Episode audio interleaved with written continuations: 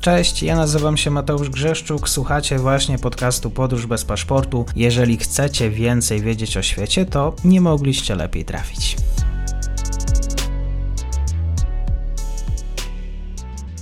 Dzień dobry wszystkim słuchaczom. Ze mną jest dzisiaj dr Łukasz Lewkowicz, UMCS w Lublinie, również Instytut Europy Środkowej. Dzień dobry, panie doktorze.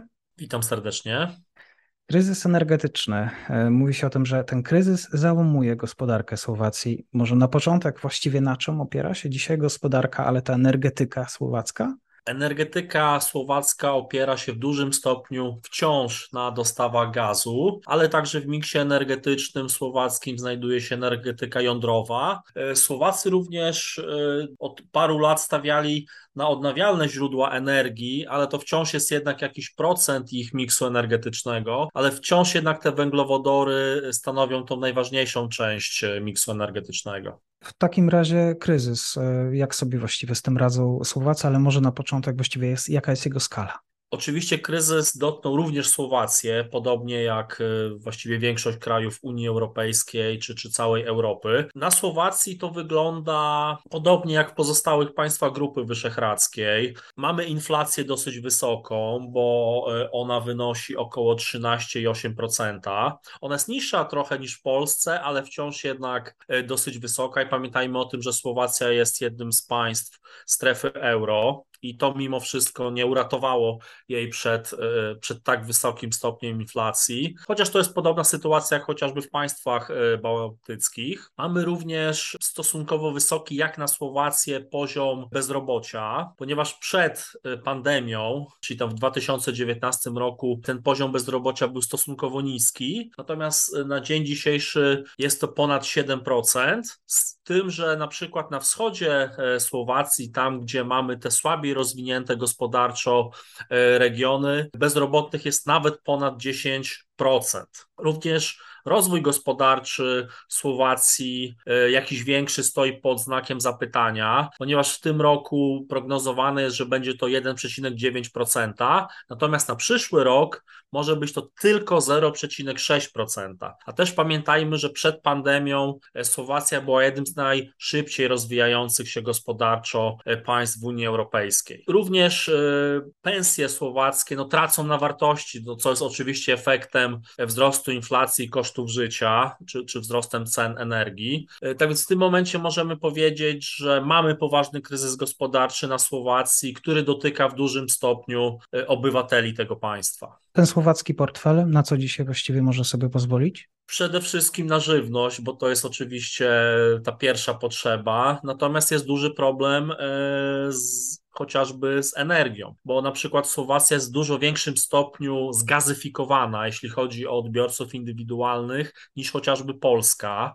Tam wiele wiosek czy miast po prostu ogrzewało się e, gazem. Teraz jest oczywiście duży problem, bo jeszcze do niedawna Słowacja w 90% uzależniona była od tych dostaw gazowych e, od Rosji. To się oczywiście teraz zmieniło ale to również spowodowało, że ceny energii są bardzo duże. Z tego względu oczywiście te kwestie energetyczne do, dotykają każdego obywatela. Możą sobie pozwolić oczywiście na dużo mniej niż e, wcześniej, ale pamiętajmy, że to, ten kryzys jest jakby kolejnym kryzysem, który dotyka e, Słowaków e, w ostatnich latach, bo wcześniej kryzys dotknął już społeczeństwo słowackie w czasie pandemii, kiedy rząd wprowadzał dosyć restrykcyjne ograniczenia przede wszystkim gospodarce. No i jakby ten nowy kryzys związany z wybuchem agresji e, Rosji na Ukrainę ponownie dotknął e, e, Słowaków, więc wydaje mi się, że to społeczeństwo no, w dużym stopniu zubożeje w najbliższym czasie. Natomiast rząd oczywiście podejmuje szereg działań, które mają na celu ograniczenie, powiedzmy, tych negatywnych skutków. E, prowadzany jest od e, kilku miesięcy taki pakiet e, antyinflacyjny, który ma wspomóc przede wszystkim rodziny słowackie. On został wprowadzony już teraz. Część jakby zapisów tego pakietu wejdzie w 2023 roku. Premier Słowacji Edward Heger również zwraca się do Unii Europejskiej, do instytucji unijnych o pomoc Chodzi między innymi o równomierne rozłożenie tych unijnych podatków od nadzwyczajnych dochodów, czy choćby lepsze wykorzystanie niewykorzystanych funduszy rozwoju regionalnego, które mogłyby zostać przekazane Słowacji. Więc mamy tutaj szereg działań, które mają jakby to społeczeństwo słowackie uchronić przed tymi negatywnymi skutkami kryzysu, ale no niewątpliwie te ceny zarówno prądu, jak i gazu wzrosną, wzrosną koszty żywności, transportu, e, tam jest, e, tam jest to jest nieuchronne, natomiast jest kwestia, jak rząd e, powiedzmy zniweluje te najbardziej drastyczne e, podwyżki i skutki e, tej polityki energetycznej. Jaki pomysł ma na to rząd? No przede wszystkim chce wspierać i zarówno firmy, jak i odbiorców indywidualnych. Na razie planowane jest właśnie zagwarantowanie takich preferencyjnych cen gazu i prądu. Bratysława póki co nie zdecydowała się na bezpośredni transfer gotówki, zamiast tego proponuje po prostu obniżenie rachunków i państwo jakby planuje zagwarantowanie cen energii na lata 2022-2024 i do ceny samego surowca ma zostać doliczona ruchoma część, czyli na przykład opłata za przesył. I w efekcie te ceny prądu, między innymi dla odbiorców indywidualnych, mają wzrosnąć, ale nie bardziej niż o jedną piątą. Czyli tutaj chodzi o to, żeby te ceny nie były o kilkaset procent większe e, niż wcześniej, bo to by no niewątpliwie doprowadziło do ruiny e, społeczeństwo słowackie. I tak jak mówię już wcześniej, e, rząd słowacki zaproponował te transfery socjalne, można powiedzieć, dotyczące pomocy przede wszystkim dla rodzin czy dla osób wynajmujących mieszkania.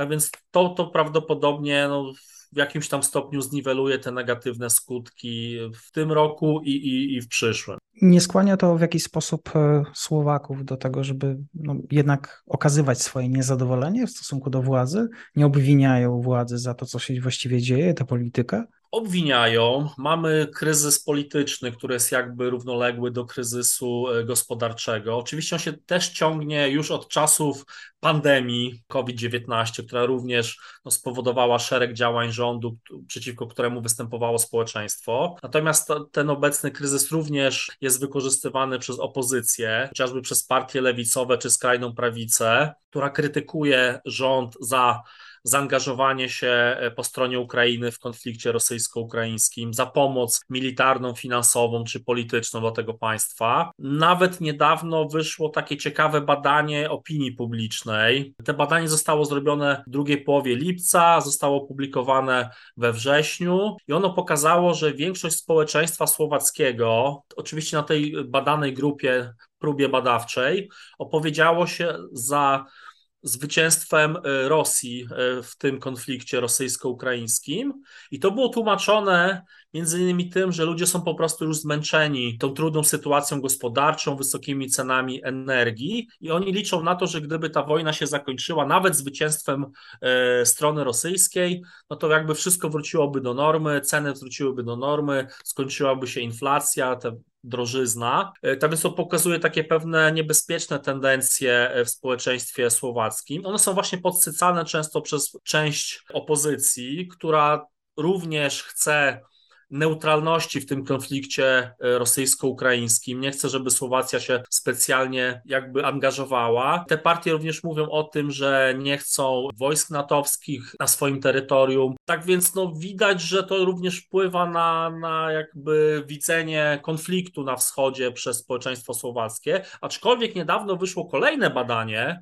zrobione przez think tank Globsec, które pokazało, że jednak już większość społeczeństwa widziałoby raczej Ukrainę jako to państwo, które powinno zwyciężyć. Ale pewne tendencje, takie prorosyjskie, od czasu do czasu e, ujawniają się na Słowacji. I to jest też ciekawe, że to ta propaganda taka prorosyjska często była powiązana z propagandą antyszczepionkową. To, to również w tym badaniu z lipca tego roku zostało pokazane. Pamiętajmy też o tym, że niedługo, za kilka tygodni, mamy wybory samorządowe na Słowacji e, pod koniec października. E, zobaczymy właśnie, jakie będą efekty e, tych wyborów, czy zwycięży opozycja, czy partie tworzące koalicję rządową. To jest pytanie otwarte. Mamy również obecnie trudną sytuację polityczną w tym względzie, że na Słowacji mamy od kilku tygodni e, rząd mniejszościowy, ponieważ jedna z partii koalicyjnych opuściła tą koalicję, SAS Richarda Sulika, taka liberalna partia. Sulik był wicepremierem do spraw gospodarki. On się nie zgadzał właśnie między innymi na transfery socjalne, na te pakiety antyinflacyjne. No, oczywiście to były też spory personalne między nim a byłym premierem Igorem Matowiczem. W każdym razie wyszedł z koalicji ze swoimi ministrami. Mamy rząd mniejszościowy, bardzo trudnej sytuacji gospodarczej, no ale też kwestie konfliktu na wschodnich granicach e, Słowacji. Czasami mówi się, że jeżeli się ten rząd mniejszościowy nie sprawdzi w obecnym kryzysie, no to w przyszłym roku na wiosnę mogą się odbyć przedterminowe wybory, które może zwyciężyć opozycja. Opozycja, która jest właśnie, jak wspomniałem, często prorosyjska. Rozumiem, że to jest to środowisko, o którym już chyba rozmawialiśmy w przeszłości. Tak, to jest między innymi partia Smer e, Roberta Fico, byłego premiera, ale także Klas, e, również byłego premiera Petera Pellegriniego. Zresztą to są politycy, którzy odeszli ze Smeru e, jakiś czas temu. Plus skrajna prawica, partia Republika, która również ma poparcie powyżej progu wyborczego. Czasami się mówi o możliwości powstania takiej egzotycznej koalicji właśnie tej lewicy ze skrajną skrajną prawicą. Oczywiście te partie prawdopodobnie kontynuowałyby różnego rodzaju transfery socjalne, żeby utrzymać poparcie społeczne, ale właśnie w kwestii współpracy ze Stanami Zjednoczonymi, z NATO, czy chociażby podejście do pomocy dla Ukrainy miałyby zupełnie inne niż y, obecna koalicja rządowa. Dzisiaj komentarz na temat tej słowackiej polityki, którą będziemy obserwować. Y, doktor Łukasz Lewkowicz, bardzo dziękuję za spotkanie. Dziękuję serdecznie i pozdrawiam. I to już koniec na dzisiaj. Zapraszam na profil podcastu Podróż bez paszportu na Facebooku, Instagramie i Twitterze. Zachęcam też do wsparcia mojej pracy na serwisie Patronite oraz Buy Coffee. Do usłyszenia.